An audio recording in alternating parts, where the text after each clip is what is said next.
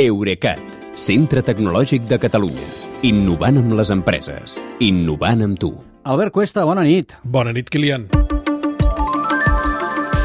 BART, el chatbot de Google, ha arribat avui a Europa i ho ha fet en català. Uh, efectivament.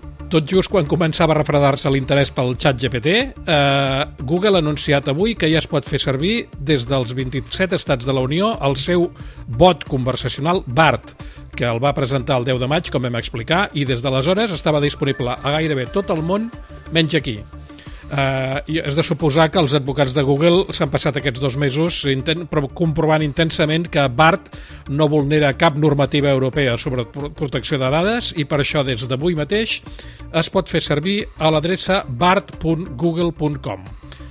En general, eh, aquest BART de Google és més potent que el xat GPT sense haver-hi d'afegir extensions ni haver de pagar per una versió Plus. Uh, per exemple, uh, li pots demanar per escrit o també parlant que et redacti textos i especificar amb quin to, que et tradueixi o que et reformuli documents existents, que et resolgui operacions matemàtiques, que et programi o que revisi codi informàtic amb més de 20 llenguatges, que identifiqui imatges que li pugis i que et deixi compartir les respostes a les preguntes amb tercers o que les exporti a les aplicacions d'ofimàtica de Google perquè les puguis incorporar amb altres programes. A més, hi pots dialogar en català. Uh, si més no, uh, extraoficialment. Google eh, diu que només garanteix el suport de totes les funcions en els 40 idiomes inicials, entre els quals hi ha eh, l'espanyol, però no hi ha el català. Ara bé, tot i que la interfície de BART, eh, des d'aquí, si l'obres aquí, està en espanyol, si comences a dialogar-hi en català, vull dir que li preguntes coses amb el nostre idioma, ell t'entén i et respon en català d'una manera impecable. I en català eh, falten algunes funcions com la de respondre a les teves consultes amb la veu que sí que funcionen amb altres idiomes. Eh, Google diu que ja hi arribarà amb els altres, el català i els altres llengües. En català o no, trobes que, tu vaja, trobes que Bar no és gens de fiar? Uh, la veritat és que no, però és que tampoc ho és cap altre chatbot. Uh, tant ChatGPT com Bing Chat, que és la versió connectada a internet, i el nou BART, que també està connectat a internet, dialoguen amb tu amb, una, amb una plom extraordinari, molt convincent, però el que et diuen poden ser bajanades totalment inventades, fins i tot eh, si tenen a veure amb ell mateix. Sense anar més lluny, aquest matí li he demanat a Bart si em deixava dialogar-hi en català, en euskera i en gallec, i m'ha dit que sí. Però quan he provat de fer-ho en euskera i en gallec, no m'ha entès, i m'ha dit que ja, aquests idiomes ja encara no els coneix. En tot cas, eh, avís per navegants, avís pels oients, és important que no confonguem BART ni tampoc xat GPT, amb un cercador web on ets tu qui decideix quin enllaç t'inspira més confiança.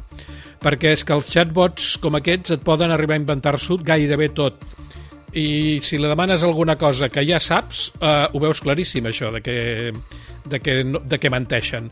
Jo avui ho he fet amb un tema que domino força, que sóc jo mateix.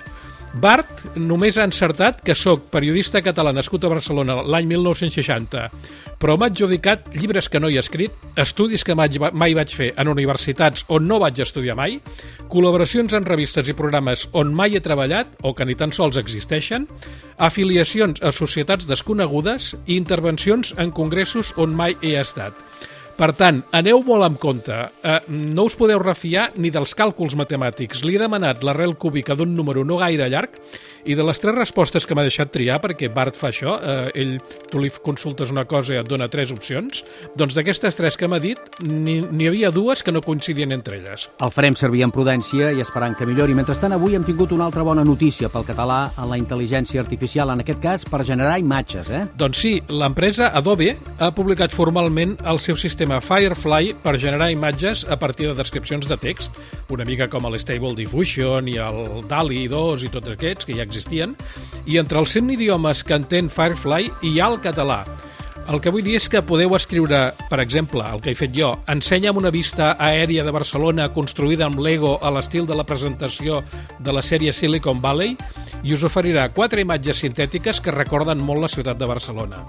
Uh, I a més de generar imatges, Firefly també pot retocar les imatges que li doneu. Els hi pot canviar el color, els hi pot ajustar el format, els hi pot treure el fons i posar-ne un altre, uh, pot inventar-se uh, un tros de, fon, de fons si la proporció que li doneu és diferent a la que voleu. Uh, Firefly aquest es pot usar a la web amb un compte d'Adobe i també directament des de l'editor d'imatges Photoshop. Magnífic, Albert, moltes gràcies. Bona nit, fins demà. Bona nit, Kilian, fins demà.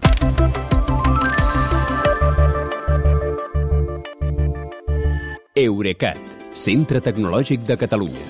Innovant amb les empreses. Innovant amb tu.